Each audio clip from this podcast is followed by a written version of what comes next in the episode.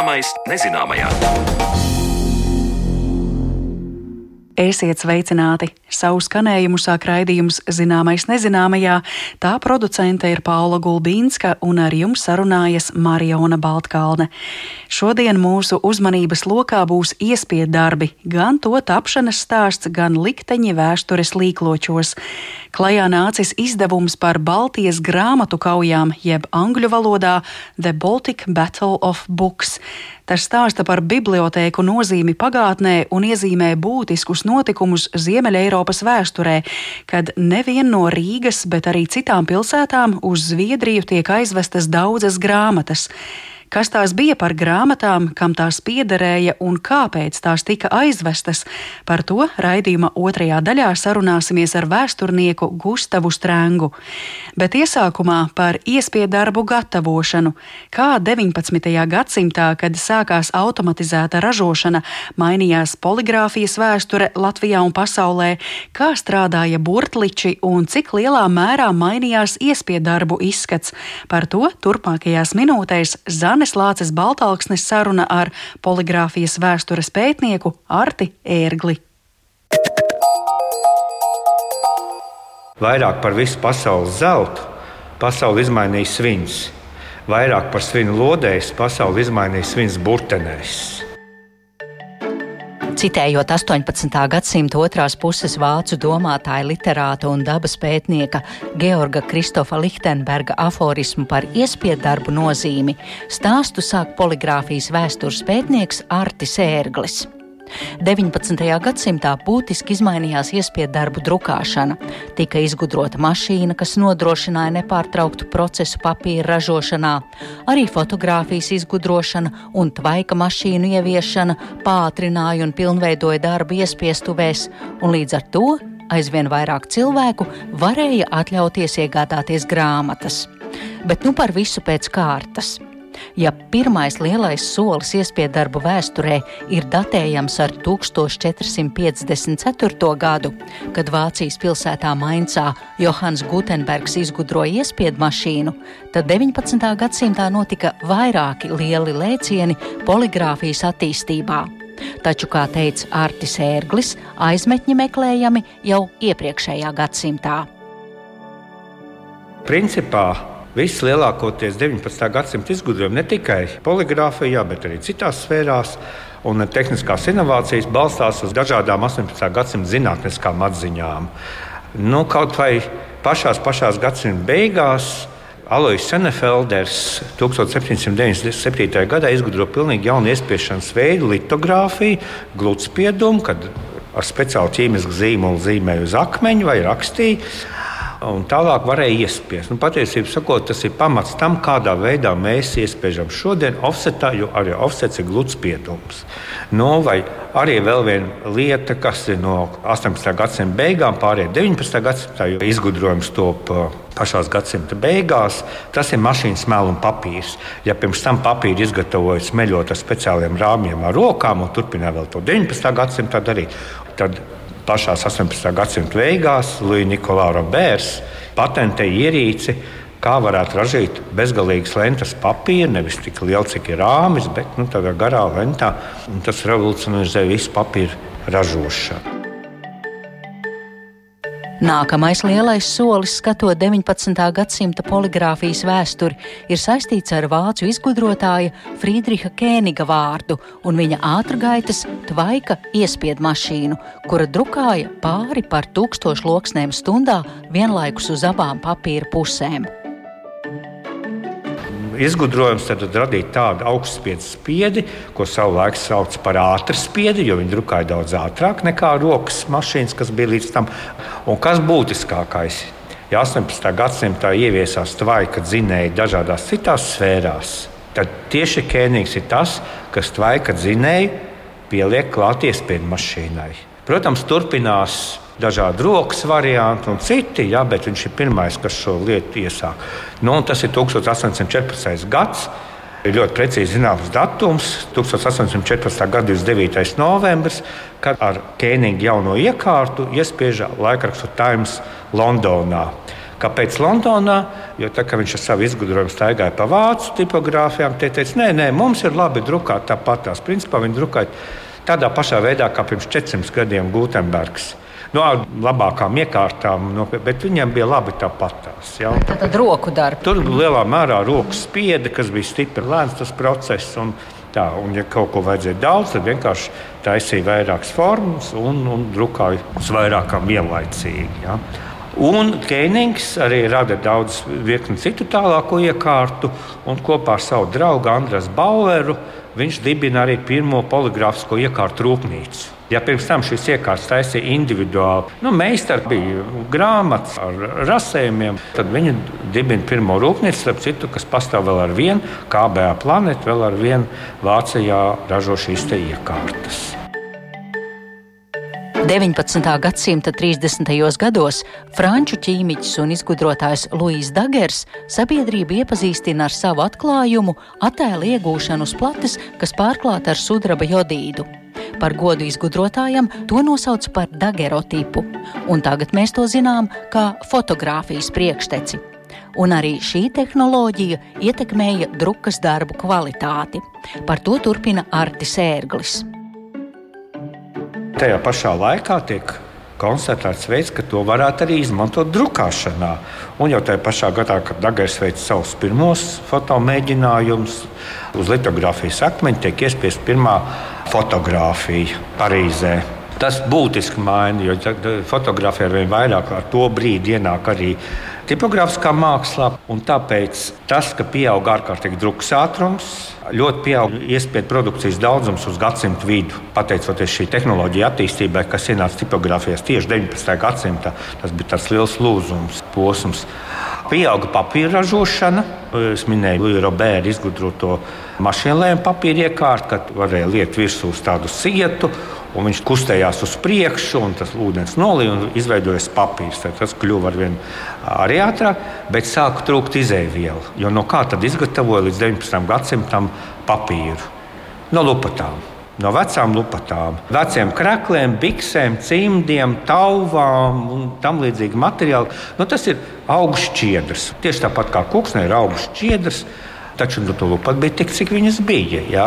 Un tas arī bija diezgan dārgs process, jo viņas bija jāšķērē, viņas bija jāmērcē.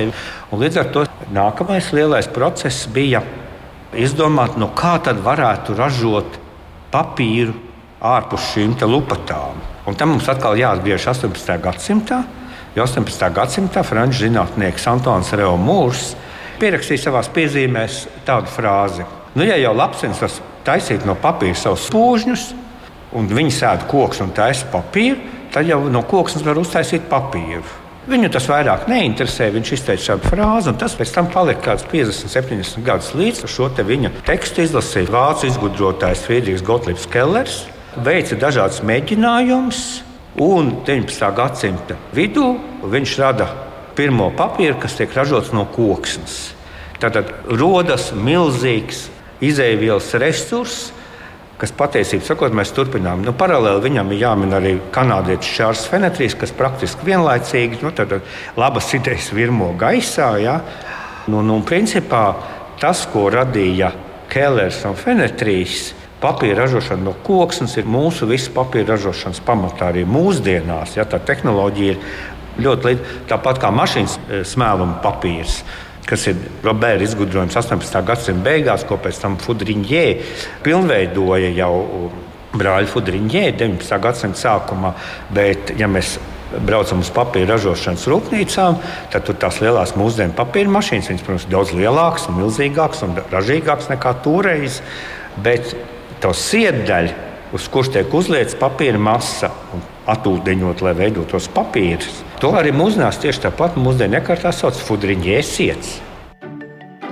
Turpinot uzskaitīt sasniegumus 19. gadsimta iespiedu darbu attīstībā, poligrāfijas vēsturnieks Artis Ērglis min arī mehanizēto burtu salikumu. Nu, vēl viena pasaules lieta, kas ļoti revolucionarizē, jo tajā tagad mēs runājam, tagad iespiežam ātri, papīru varam izgatavot daudz. Mēs esam atraduši izēvielu papīram, Un šaurais posms ir burbuļu salikums. Jo to tā es ar rociņām ņemot pa vienam burbuļam. Tas ir tas, ko mēs tagad darām ar datoru. Ātri, ātri ierakstām tekstus, bet tagad tos burbuļus salikt bija. Un visu 19. gadsimtu izgudrotāji domāja par to, kā šo procesu mehanizēt. Līdz pašā gadsimta beigās, 1886. gadā, tika saražots iekārts līnijas monotips, kad tu principā varēji rakstīt tā, tā kā rakstā mašīnu un šie svina burtiņi krita rindā un izveidoja rindu. Tas bija daudz ātrāk nekā ņemt no burtu kastes pa vienam burtiņam. Tad, principā, 19. gadsimts deva pamatu ārkārtīgai informācijas attīstībai. Nu, pašā gadsimta beigās mēs varam pieminēt tādas lietas, kā tiek patentēts offset. Princips, jā, tad, tad netiešais gludspiedums, ja viņu tā precīzi varētu saukt, tā tehnoloģija, kurā mēs mūsdienās drukājam absolūti lielāko daļu no informācijas. Tad ir rodas arī gadsimta beigās krāsu dalījums. Jo, ja mēs zinām, nu, mēs redzam, bildi ļoti daudz krāsaini. Nu, ja mums būtu jādrukā simtiem krāsu, tas būtu ļoti dārgi un ļoti ilgi. Un Juko Deorons un Šarls Krogs divi frančūži veids eksperimentus, un viņi konstatēja, ka patiesībā krāsainu darbu var nodrukāt tikai no četrām krāsām. Tā saucamais subtraktīvais krāsa dalījums, tad no zilās, rozīgas, dzeltenās un melnās krāsas. Un tas ir patiesībā, sakot, ja mēs paņemam jebkuru krāsainu iespēju darbu, ar lupu paskatāmies, mēs redzēsim, ka jebkura krāsaina bilde sastāv no četriem mazas krāsas punktiņiem. Tas arī ir 19. gadsimta nogales uh, izgudrojums. Un ko tas viss deva? Tas viss deva pie tā, ka notiek pirmā nu, varētu teikt, tā absolūti lielākā informācijas revolūcija tieši 19. gadsimtā. Tur ir divi pētnieki, viens ir Gabriels Peņo, otrs ir 20. gadsimta sākumā uh, Boļeslavs Ivlinskis, kas noteica, cik daudz ir dažādi izdevumi publicēti kopš iespiešanas sākuma. Un, ja šos ciparus saliek, tad pēc šiem pētniekiem var saprast, ka ja pirms tam tika nodrukāti pirmajos 370 gados no Gutenberga atklājuma tika nodrukāti apmēram 3,2 miljonu izdevumu. Tad 19. gadsimta 80 gados ir nodrukāts 6,7 miljonu izdevumu. 80 gados ir nodrukāts 1,8 reizes vairāk nekā iepriekšējos 370 gados no Gutenberga atklājuma. Un ko tas dod? Papīrs ir lētāks, vairāk, drukājam ātrāk un lētāk vairāk mēs varam iespiest, cenas ir pieejamākas plašākam pircēju lokam, un tas būtiski attīsta lasīt prasmu arī tajās iedzīvotāju kategorijās, kas ir tikpat zinātnīgi, varbūt kā bagātie, kas varēja atļauties iepriekš grāmatas. Tas attīstīja gan lasīt prasmes no vienas puses, gan no otras puses, es gribētu teikt, tā vairoja rakstnieku skaitu.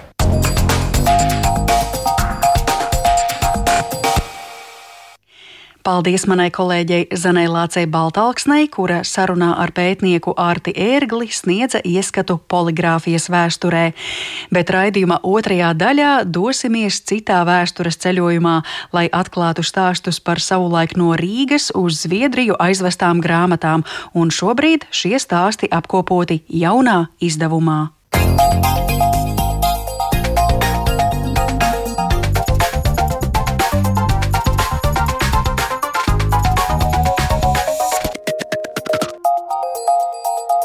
Zināmais nezināmajā.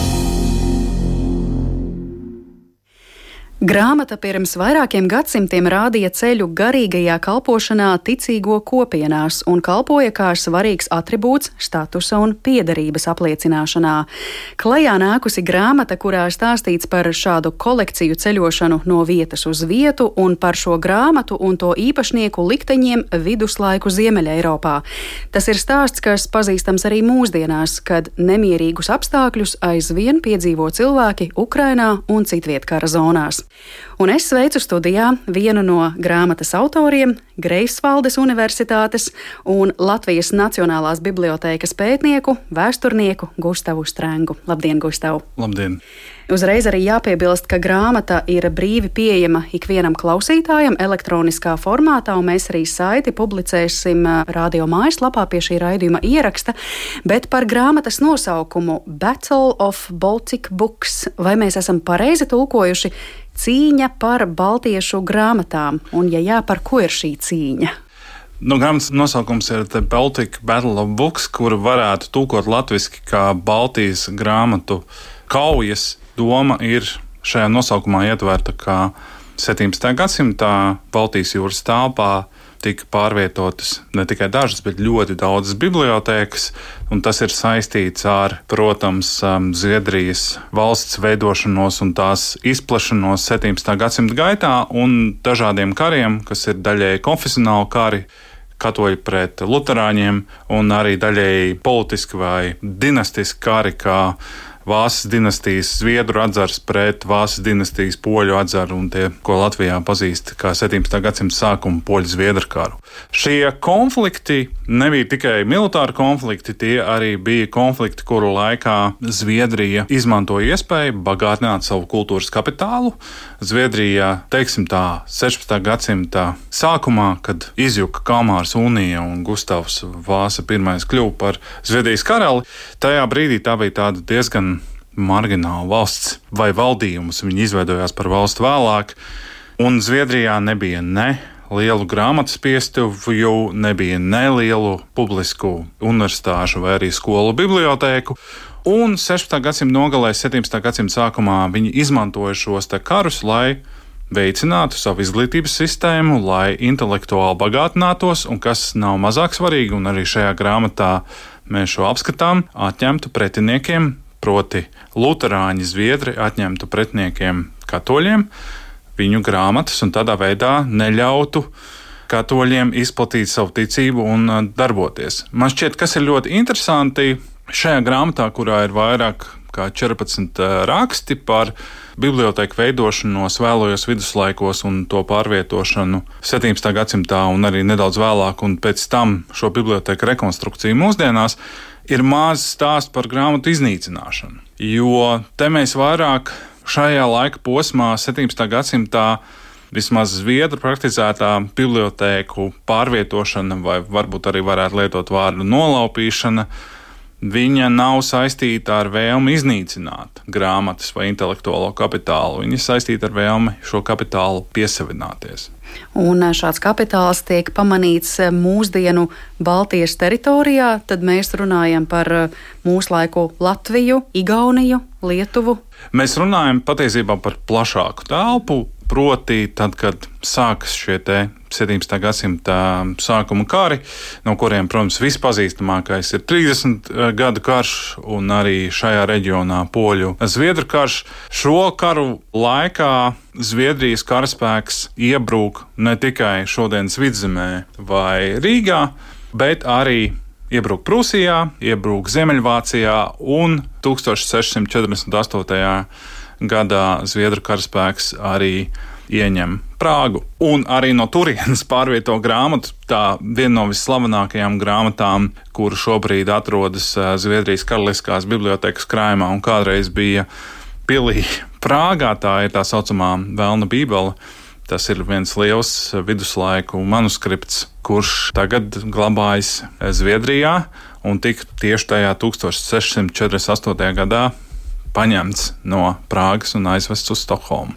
Tad sanāk tā, ka tās grāmatas, kas tiek aizvestas līdzi, ir no senākiem laikiem, kuras Zviedri atzīst par labu esam. Šī vēlna bībele, ja piemēram no viduslaikiem, un, protams, arī viduslaiku grāmatas no Baltijas teritorijas, bet tas viss tiek paņemts līdzi jau krietni jaunākā laika periodā, tātad 17. gadsimtā. Te man ir jāatsaucās uz Latvijas Nacionālās bibliotēkas iepriekšējo veikumu, proti manu kolēģu un arī manas veidotais Rīgas iezuīta kolēģijas bibliotekas katalogs kurš patiesībā ir iemesls, kādēļ šī grāmata radās. Tas ir šī ideja par Baltijas grāmatu kaujām, nāk no Nacionālās bibliotēkas. Tas ir, varētu teikt, mūsu projekts, Rīgas iezīmju kolēģijas bibliotekas rekonstrukcija. Bija šīs grāmatas centrā, bet grāmata ir daudz plašāka. Proti, ko mēs redzam no rekonstruētās Rīgas iezīmju kolēģijas bibliotekas, ka šīs visas kolekcijas, kas tika pārvietotas, viņas ļoti daudzveidīgas. Un jāsaka, godīgi, ka tie cilvēki, tie zviedru karaļa ierēģi, kuri veica šo pārvietošanu, viņi bija ieinteresēti ne jau tikai grāmatās, kā rāda Botvīdī.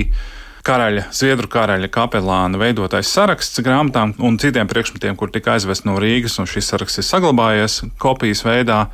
Šajā sarakstā ir gan kroņluktūri, dažādi trauki, gleznas un arī, protams, grāmatas. Un grāmatu daudzveidība, protams, ir saistīta, ka viena biblioteka netop vienā dienā, biblioteka top ilgākā laika posmā, un bibliotekās ļoti bieži ir arī vecāki manuskripti no viduslaikiem. Bet, protams, lielākā daļa grāmatu, kuras nonāca Zviedrijā, gan skolās, gan arī Upsalas universitātes no jauna izveidotajā bibliotekā, kur tika izveidota 1620. un 21. gadā īsi pirms Zviedru karaspēks ieņēma Rīgu un pārvietoja Jēzuītu biblioteku no Rīgas.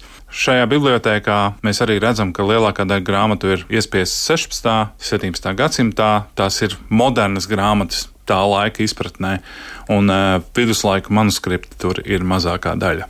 Es uh, jūtu, ka iemesls, kāpēc mums ir ļoti būtiski runāt par šīm aizvestajām grāmatām, gan par šo jēzuītu kolēģijas stāstu, gan arī jūsu nu, pat izdotā grāmata, kāpēc mums ir svarīgi to aktualizēt, lai iespējams pastāstītu ne tik daudz to, ko zviedri izdarīja, par to, cik viņi varbūt tolaik bija necili, jo viņiem nekā nebija, bet patiesībā, lai parādītu to, kas bija mums, Baltiešiem, Prāgā, Čehijā, tā varētu teikt. Es domāju, ka, jā, ka tas parāda gan to kultūras bagātību, kura eksistēja tajās teritorijās, kuras Zviedru karaspēks ieņēma. Gan, protams, lai arī parādītu to, ko ar jauniegūtajām grāmatām Zviedri vēlējās izdarīt gan savās universitātēs, gan um, skolās, gan arī, jāsaka, tā ļoti būtiski Stokholmā tika veidota Karaliskā biblioteka, kas ir šodien Zviedrijas Nacionālās bibliotekas kodols.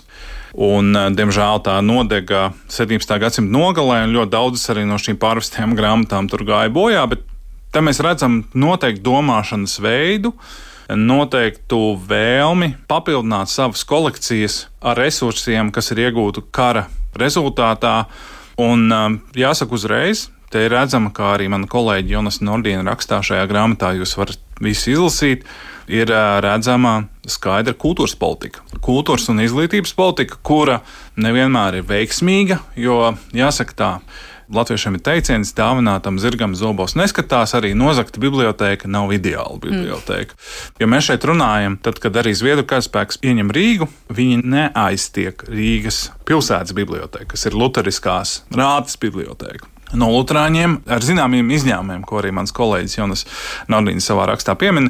Pamatā viņi no Lutāņiem grāmatas nezog, jo tie ir sabiedrotie ticības brāļi. Bet grāmatas tiek paņemtas no katoļu kolekcijām, kuras kļūst par daļu no Lutāņu universitāšu bibliotekām. Te ir zināma pretruna. Bet savukārt eh, mana kolēģa Pēters Siekvista rakstā, kurš tieši pievēršas tam, kā no Rīgas aizvestās jēzuītu grāmatas tika izmantotas pēc tam Upsalā, tur ir redzams, ka daļa no šīm grāmatām ir būtiskā apritē, Reliģiskā piedarība šai grāmatai vai šī autora, grāmatas autora reliģiskā piedarība varbūt nav būtiskākais. Būtiskākais vai šī tēma ir interesējusi universitātes profesorus. Universitāte, Lutāņu universitāte Upsalā arī 17. gadsimta gaitā izmantoja katoļu grāmatas. Protams, lai mācītu savus studentus apgāzt teoloģisko pretinieka domas un idejas. Un, kas ir interesanti šajā te, nu, varētu teikt, pirmajā Upsalas universitātes bibliotekā bija divi stāvi, kur katram stāvam bija sava ieeja. Pirmais stāvs bija tas augstais stāvs, tas, kurā tika glabāts grāmatas, kuras tika aktīvi izmantotas. Savukārt, zemākajā stāvā, pagrabs stāvā, bija grāmatas, kuras neizmantoja, ļoti bieži iemainīja pret citām grāmatām, jo, kā jau mēs sākumā minējām, Zviedri ieņēma vairākas pilsētas. 17. gadsimta 20. gados, un Rīga nav vienīgā, kur iezuītu kolēģijas biblioteka tika aizvest uz Zviedriju, bet arī Prūsijā, Braunsburgā. Jēzuīta biblioteka tika aizvest uz Zviedriju. Tā bija daudz lielāka nekā Rīgas jēzuītu kolēģijas biblioteka, bet jēzuītiem grāmatas bija ļoti līdzīgas, vai teiksim, tā bija dubulti eksemplāri gan no Rīgas, gan Braunsburgas. Tad gadsimtu gaitā mēs redzam, kā šīs grāmatas Upsals Universitāte iemaina vai pārdod. Izņemot viduslaiku pergamentu manuskriptus, kurus mēdz izmantot ne tikai Upsalā, bet arī, piemēram, Rīgā, lai izmantotu kā tādu izolācijas materiālu eģeļu stabulēm, lielākā daļa šo gan inkunābu, gan arī 16. gadsimtā iespiesto grāmatu vienmēr nevis tika iznīcināts, bet nonāca otrreizējā tirgū vai treškāršā tirgū, tika mainītas, nonāca privātās kolekcijās, tika varbūt aizvestas uz ārzemēm. Tā kā ļoti dažādi ceļi tālāk pavērās ar šīm aizvestajām grāmatām, bet eh, skaidrs ir tas, ka tās netika iznīcinātas, bet mēs droši vien arī nevaram runāt, ka tad, kad tās nonāca otrā pusē krastam, ka tās redzētu kā tādu mantojumu, vai ne? Drīzāk tas ir ideju apgāšanai, iemainīšanai, nu labi, pie kāda nonāk arī privātās kolekcijās un kaut kur arī, nu, tīri tā, praktiskiem ikdienas līdzekļiem. Jāsaka ja? uzreiz, ka mūsu izpratne par mantojumu ir modernā laikmeta bērns. Mēs arī šobrīd ar jums kopā sēžam vecrīgas vidū, ja klausītāji to nezina, ēkā, kas ir uzcelta 20. gadsimta sākumā. Nu, ir viena problēma šeit, protams, ka bija ēkas kopš viduslaikiem, un arī vēlāk, 16. un 17. gadsimtā, šeit tika nojaukts vecās ēkas, uzceltas jaunas. Nu, šķiet, ka cilvēkiem, kur cēl šo bankas ēku, kurā tagad ir Latvijas rādio, nebija nekādu sirdsapziņas pārmetumu, ka viņi nojauca daudz vecākas ēkas, kurš šeit atradās. Proti, 19. gadsimta beigās, 20. gadsimta sākumā radās šī doma, ka ir nepieciešams rūpēties par mantojumu, kas ļoti interesanti. Arī mēģinājumi rekonstruēt, piemēram, Rīgas Jēzus kolēģijas bibliotēku. Tas ir šis pirmais mēģinājums, ir 19. gadsimta beigas, 20. gadsimta pats sākums, kuru veids Zviedru bibliotekārs, kurš vienu laiku bija Upsals Universitātes bibliotekas direktors un pēc tam kļuva par Zviedrijas galveno bibliotekāru un Karaliskās bibliotekas mm, direktoru, Izāka Kolīna mēģinājums šo Rīgas iezīmju biblioteku rekonstruēt. Un uh, tad dzimst apziņa, ka šīs vecās nolaupītās kolekcijas, ka viņām ir vērtība, ka viņas ir mantojums kādai grupai, un uh, līdz tam patiesībā arī Rīgā, kur pilsētas biblioteka ir dibināta kā no ubagotāju brāļiem pārņemtu grāmatu biblioteka. Dominikāņi un franciskāņi ir ubagotāju brāļu ordeņi. Nebija tādas sajūtas, ka mēs tagad mēģināsim saglabāt franciskāņu, dominikāņu bibliotēku. Protams, tā bija ļoti utilitāra pieeja grāmatām, un tā nav raksturīga tikai šim reģionam, bet vispār šai agrējai modernajai kultūrai. Bet eh, par tiem eh, resursiem, eh, no kuriem šīs grāmatas tika paņemtas, mēs tad jau secinājām, jūs minējāt, ka no Lutāņu lielās bibliotēkas, no Lutāņiem grāmatas neņēma, bet no katoļiem gan. Kur šie katoļi bija vai kur tās grāmatas lokalizējās? Protams, uzreiz nāk prātā baznīcas, klosteri, vai tomēr katoļi bija saistīti arī ar skolām, universitātēm, un tad, teiksim tā, no visa, kur varēja, tur arī paņēma. Jāsaka, kā ir, nu, pirmkārt, galvenie oponenti Lutāņu un arī Zviedru Lutāņu skatījumā viņiem bija jezuīti, kā katoļu garīgais ordenis un kā viens no efektīvākajiem instrumentiem pret reformāciju un protestantismu. Un tad jezuītu institūcijas, jezuītu kolēģijas bija tās, kuras visbiežāk Zviedri ieņem šo pilsētu, tad tās bija tās, no kurām ne tikai grāmatas, bet, kā jau es arī minēju, citi priekšmeti tika paņemti. Protams, tie arī citi katoļu garīgie ordeņi, to mēs redzam tad, kad Zviedri iebruka Morāvijā un Bohēmijā. Viņi arī tur ņem grāmatas no kartēziešiem, no dominikāņiem un citām garīgām institūcijām. Protams, arī biskupa kapitūlī jā, katoļu skolas, ne gluži universitātes, bet tieši katoļu skolas vai citas garīgās institūcijas. Tās ir tās, kuras cieš no šiem kultūra kapitāla ieguvējiem Zviedriem. Starp citu, vai visas šīs grāmatas, eh, pat ja tās nāca no katoļiem, vai tās bija reliģiska satura, vai tomēr tur atklājas arī citi teksti? Protams, šīs visas institūcijas kurām bija jādod grāmatas Zviedrijas karaļa ierēģiem. Viņas visas bija garīgas institūcijas un arī saturē dominē teoloģiski rakstura darbi, bet ne tikai teoloģiski, bet arī tādi celsmes un eh, garīgi satura darbi. Bet, protams, visas šīs institūcijas 16. un 17. gadsimtā centās sekot zināmiem renesanses ideāliem, un tur uh, grāmatu starpā ļoti daudz uh, klasisko autoru, sangrieķu un romiešu autoru darbi, kas ir nozīmīga daļa. Kā arī ir grāmatai no citām zinātnes nozarēm, jo jāatcerās, ka jēzuītu kolēģijas ļoti bieži pie šīm kolēģiņām tika dibinātas skolas, kur mācīja ne tikai teoloģiju, bet arī citas prasmes.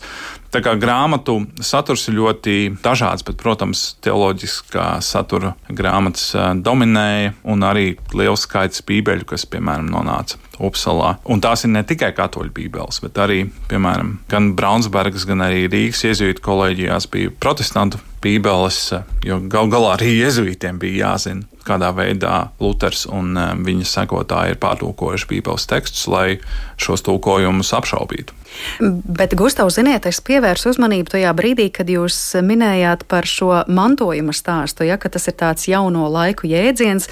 Un es uzreiz iedomājos tādu lietu, piemēram, Rīgā, Vecrīgā, ja mēs dodamies garām Svētās Marijas Magdalēnas baznīcai, tad ir vērts aizdomāties par tādu spilgtu personību kā Annu Notkenu Mūķeni, kura visā šajā trakajā reformācijas laikā ļoti palika uzticīga katoļticībai, un par viņu ir arī zināms kā par personību, kura tiešām glabāja šos katoļu dārgumus. Tās noteikti bija grāmatas un arī citi priekšmeti, bet tomēr šeit man ir sajūta, ka tajā cisterciešu ordeņa klosterī un vēlāk tātad to visu pārņem jezuīti, tomēr šis uzskats par to, ka tā ir vērtība bija. Jā, protams, bet tam ir nedaudz cita izpratnē kādēļ šīs lietas ir vērtīgas. Proti, šie priekšmeti, kurus Anna Notkina un arī citas māsas, kuras dzīvoja reformētajā Rīgā, šajā cisterciešu klosterī līdz pat 16. Eh, gadsimta 80. gadiem. Viņas uzskatīja, ka gan rituālie priekšmeti, gan grāmatas ir daļa no reliģiskās dzīves, ir daļa no patiesībā no viņu identitātes, kas ir jāsaglabā. Jo, protams, bija cerība, ka katoļi atgriezīsies Rīgā un ka varbūt gan biķerus, gan arī ornātus viņas varēs atdot kādam katoļu priesterim, kurš varēs svinēt svēto misiju. Marijas Magdalēnas baznīcā. Un te mēs redzam to, ka grāmatas un citi priekšmeti bija daļa no šo kopienu identitātes, ne tikai reliģiskās, bet arī sociālās identitātes. Un zaudējot šos priekšmetus, patiesībā viņi arī varbūt zaudētu saikni ar savu pagātni. Tādēļ šīs māsas tik ļoti uzcītīgi sargāja gan grāmatas, gan arī citus priekšmetus no, piemēram, rīdzinieku vēlmes šīs te, nu, nosacītās bagātības iegūtu. Bet te arī ir ļoti interesanti kopā ar kolēģi Andru Levānu. Mēs šajā katalogu izdevumā arī pieskaramies šai tēmai, ka tas Šie visi stāsti, ko mēs zinām par Annu Notkenu, ir tapuši laikā, kad Jēzus ir Rīgā. Lielākā daļa šie ir Jēzus autori, kas par viņām raksta, un tas arī ir zināms mēģinājums padarīt šīs māsas, un arī Annu Notkenu, par iespējamām kandidātēm uz um, svētā statusu, uz kanonizāciju, jo viņas acīm redzami šajos tekstos tiek attēlotas kā moceklis. Un, uh, tas patiesībā ir ļoti interesants fenomens pats par sevi. Tad eh, par klosteriem, baznīcām mēs droši vien nevaram runāt tādā kontekstā, ka viņi aktīvi nodarbotos ar grāmatu izplatīšanu, kolekcionēšanu, nu tiešām kā tādas eh, kultūra vēsturiskas vērtības veicināšanu, ja tas drīzāk ir tomēr, tomēr stāsts par tādiem reliģiskajiem resursiem, gan šajā cisterciešu klosterī un iespējams arī kādos eh, citu ordeņu klosteros. Cisterciešu gadījumā tās ir tikai un vienīgi grāmatas, kas ir izmantojamas stundu liturģijā. Tas ir lūkšana grāmatas, arī šajā krājumā Laina Tabora, kur studē muzikoloģiju Romā. Viņa arī raksta par vienu šādu Rīgas cisterciešu grāmatu, kura gan netika aizvesta uz Upsalu, bet gan nonāca Viļņā. Viņas iezīmēta kolēģijā, bet tā ir Rīgas cisterciešu māsu grāmata ka tur mēs redzam skaidru pielietojumu. Šīs ir reliģiskas grāmatas. Protams, jēzuītu gadījumā, gan arī ubagotāju brāļu ordeņu gadījumā grāmatu pielietošana ir arī saistīta ar intelektuālu darbu, ar gan teoloģisku izpēti, gan sprediķu sagatavošanu. Bet, protams, tas, ko mēs arī ieraugām, kā vēlāk šīs grāmatas tiek izņemtas laukā no tā sākotnējā kontekstā nonāk Zviedrijā, nonāk privātās kolekcijās, un viņa nozīme ir pilnīgi cita un atšķirīga. Daļēji mēs varam arī teikt, ka droši vien pašiem jezuītiem šīs cisterciešu māsu lūkšana grāmatas nebija interesantas, jo arī bija mainījusies liturģija pēc Tridents koncila 16. gadsimta nogalē. Bet, um, Un, ko mēs arī droši varam teikt, ka daudzas no šīm grāmatām iznīcināja varbūt pat paši jezuīti, jo izmantoja pergamentu, mm. lai iesietu savas grāmatas, kuras viņi ieguva. Līdz ar to patiesībā gan bibliotekas un dažādu grāmatu krājumi tas ir vienmēr bijis tāds dzīves organisms, kur uh, grāmatas ne tikai tiek iegūtas un lasītas, bet arī tiek pazaudētas, aiziet bojā. tiek nodotas kādam un kāds tās neatdod. Un, jā, tas ir tas, ko mēs arī ieraugām šajā grāmatā, šo bibliotēku un grāmatu daudzveidību un to likteņu daudzveidību. Bet tad Zviedrijas gadījumā šī valsts šobrīd nu, tāda izteikta jā, lielvara arī to laika karaliste. Viņi apzinās, mums nekā nav, un tāpēc mēs paņemsim no visiem, no kuriem varam paņemt. Jā?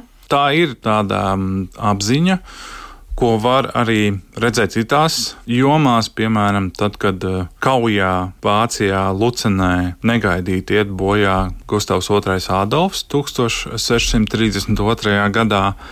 Tad eh, patiesībā, kad viņa ķermenis tiek no Saksijas nogādāts Stokholmā, Zviedru karaļnam pārstāvi saprot, ka ir zināma problēma. Viņi nevar aicināt ārzemju viesus uz Stokholmu, jo Stokholma neizskatās pēc īstas 17. gadsimta lielvaras karaļa rezidences pilsētas. Stokholma bija maza viduslaiku pilsēta uz vienas salas. Viņa sāka 17. gadsimtā izplasties, un viņi apzinās, ka viņiem ir jāmaina kaut kas, ka viņiem īstenībā ir jābūvē jauna pilsētu. Līdzīgi viņi saprot, ka viņu universitātei, Upsalas universitātei, biblioteka nav gana laba, tā ir jāpaplašina.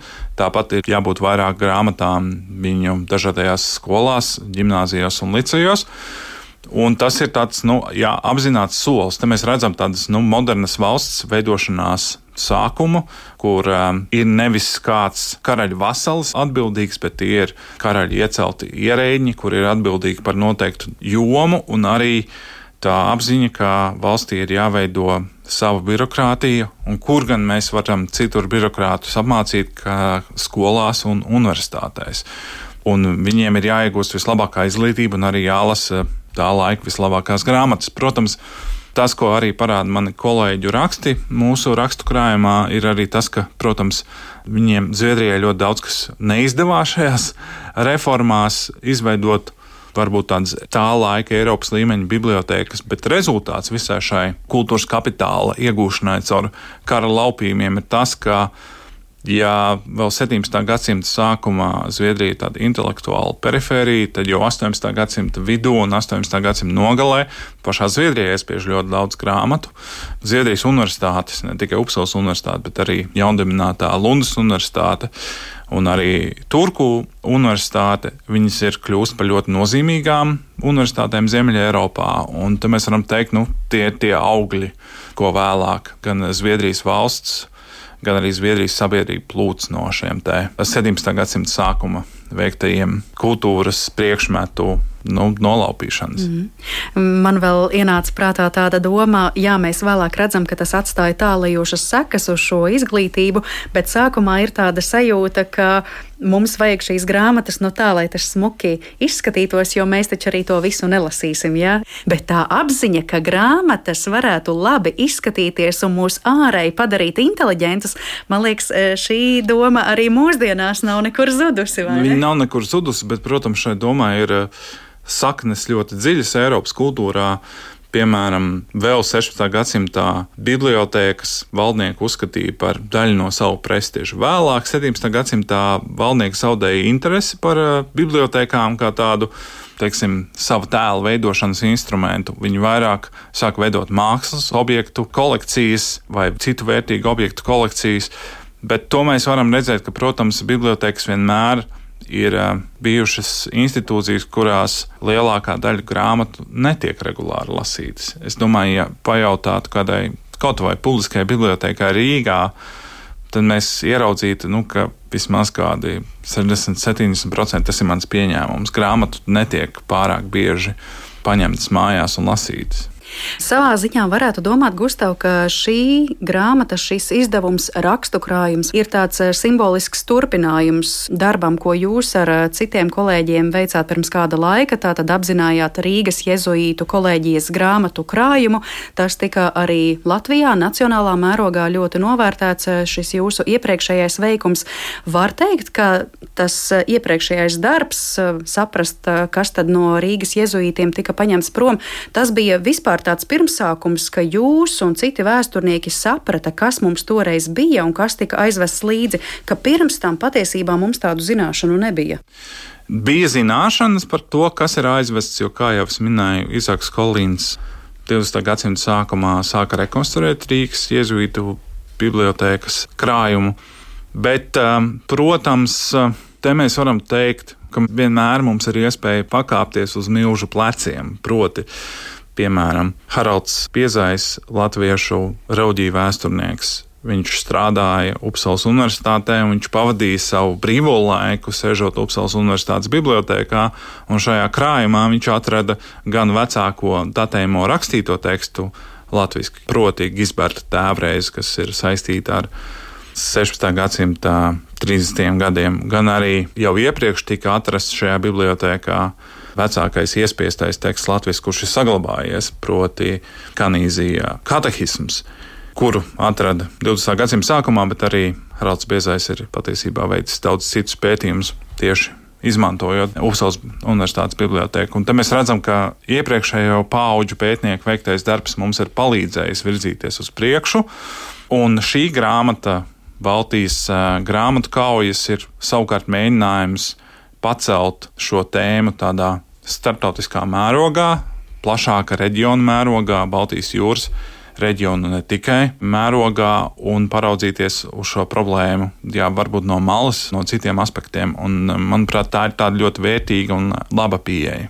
Tas, ko es vēl noteikti gribēju pajautāt eh, ikvienam, kurš dosies uz eh, šo saiti un grāmatu vērsa vaļā un ieraudzīs tās vāku, būs pamanāms, ka vākā ienāk dzeltena un zila krāsa, kas pašreizējos apstākļos, kad Ukrainā turpinās kara darbība, uzreiz kaut kā vedina domāt eh, par šo kara stāstu, lai gan patiesībā jau arī Zviedrijas karoga ar dzeltenu un zila krāsa.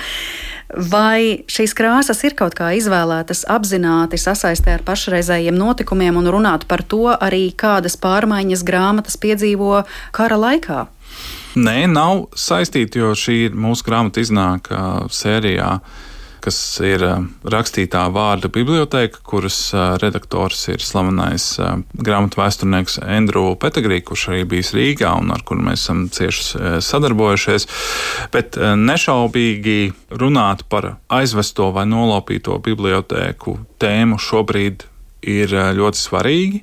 Ja tas, ko mēs redzam Ukrajinā, ka tur ne tikai iet bojā cilvēki, kas ir ļoti traģiski, bet arī tiek iznīcināts kultūras vērtības. Nu, jāsaka, gan uzreiz, droši vien, ka šodien bibliotekas vairs nespēlē tik svarīgu lomu.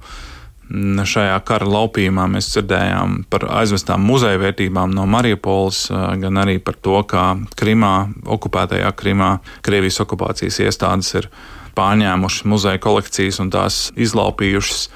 Tad, protams, bibliotekas šobrīd visbiežāk vienkārši iet bojā, nevis tiek nolaupītas. Kur arī es esmu redzējis fotogrāfijas no kara sākuma, kur uh, Ukraiņas ziemeļos, uh, netālu no Kīivas, Čenigivā vai arī Sumos ir sabumbotas pilsētu bibliotekas. Un um, te mēs arī redzam to, ka um, zināmā mērā, varbūt atšķirībā no šīs zviedru politikas, 17. gadsimtā arī vēlāk, piemēram, ir šis slavenais stāsts par to, ka ķēzariskās Vācijas karaspēks iebrukot Beļģijā. 1914. un 15. gadā pirmā lieta, ko viņi Lēvenē izdarīja, viņi uzspridzināja universitātes bibliotēku, kas ir ļoti liela traģēdija. Un tur mēs ieraugām arī šo patiesībā bibliotekas kā no kara upurs un kara instruments šo lomu. Un jau manis pieminētajam grāmatu vēsturniekam Edru Petegrī šajā rudenī iznāks grāmata Grāmata karā, Tā viņa saucās par grāmatu lomu un ietekmi karā. Un, uh, iepriekšējā viņa grāmata kopā ar kolēģi Arturu Veduvenu bija par bibliotekām. Un uh, rakstot ievadu mūsu jēzuītu kolēģijas grāmatu krājuma katalogam, viņi arī ļoti skaidri parādīja, ka bibliotekas jau vienmēr nav upuri. Ļoti bieži bibliotekas vēsturiski ir tikušas izmantotas propagandai un ar mērķi ietekmēt sabiedrību, padarīt viņu agresīvāku, kā piemēram Nacistiskajā Vācijā. Un arī šodien tas, ko mēs redzam Krievijā, ir mēģinājums grāmatas izmantot arī varas propagandai, vienas grāmatas atzīmējot kā nevēlamas, citas varbūt eh, izceļot. Bet, protams, šī tēma par bibliotēku pārvietošanu, bojāēju ir ļoti aktuāla šodien. Un arī grāmatas ievadā mēs pieskaramies ne gluži Ukraiņas karam, bet, piemēram, šodienas mēģinājumiem Zviedrijas politikā izmantot vēsturisks grāmatas kā tādu politikas instrumentu, kur bija vienam labajam politiķim ideja, ka varētu 1505. gadā tā saucamo Laskiju Polijas karaļa statūtu izdevumu, kurš glabājas Zviedrijā, uzdāvināt Polijai par pateicību, ka Polija ir ratificējusi Zviedrijas vēlmi iestāties NATO. Un, protams, mani kolēģi, Zviedru grāmatu vēsturnieki un arī bibliotekāri ir nu, sašutuši, jo viņi uzskata, ka Pirmkārt, šī eksemplāra analīze parāda, ka tas nav nolaupīts karā, tas nav nolaupīts polijai. Un tā ir bijusi dāvana, un šodien šādu grāmatu uzdāvināt kādam, nu, tas droši vien nebūtu pareizi. Mūsu grāmatu krājums arī ļoti skaidri parāda pagātnes šie kari un uh, nolaupītās bibliotēkas šodien nav šķērslis, bet gluži tā uzreiz ir iemesls mūsu sadarbībai. Jo, piemēram, šis izdevums nebūtu tapis, ja Latvijas Nacionālā biblioteka nebūtu sadarbojusies ar Upsalas Universitātes bibliotēku un vēl jau vairāk mūsu galveno partneri Lundas Universitāti, kur arī nosponsorēja šo grāmatu kā grāmata, kas ir pieejama brīvpieejā. Tātad jebkurš var izlasīt mm. šos tekstus, nekas nav jāmaksā. Un šī sadarbība ir ļoti svarīga un būtiska. Un Te mēs varam teikt, ka Zviedru institūcijas ir ārkārtīgi atvērtas un ieinteresētas tajā. Viņi paši grib uzzināt par šīm nolaupītajām kolekcijām, par to iepriekšējiem likteņiem un grib saprast, kādā veidā šīs grāmatu kolekcijas ir vēlāk tapušas izmantotas uh, pašā Zviedrijā 17. un 18. gadsimtā. Nu, tad mums, pietuvojoties šīs sarunas noslēgumam, ir vēlreiz būtiski atgādināt, ka Visiem interesantiem būtu jādodas uz platformu brill.com, bet tālākais slīpsvītrs vēl seko daudzu burtu un ciparu kombināciju, tā ka droši vien vislabāk, ja mēs publicējam saiti mājaslapā, ja kur tā ir brīvi pieejama. Minējāt jau, ka grāmatu veido 14 raksti, to veidojas esat gan jūs, gan Latvijas kolēģi, gan starpvalstu kolēģi, un tā tad tēmas, kā man šķiet, ir visaptverošas gan par to, kas tika paņemts, kur tika aizvests un galu galā kas ar šīm grāmatām notika. Ja? Jā, un jāsaka, uzreiz arī šeit ir uh, grāmatas sākumā.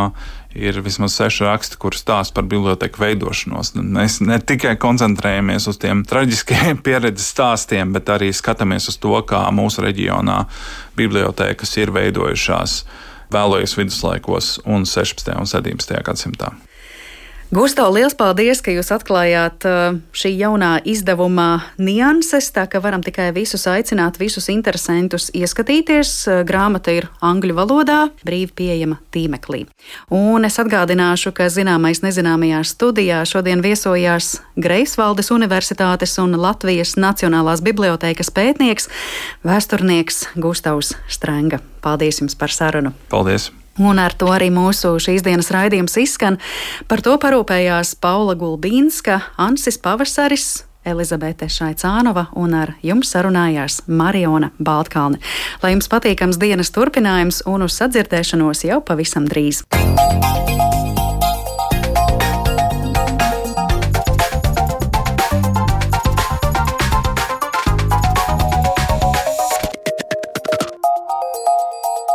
Zināmais nezināmajā.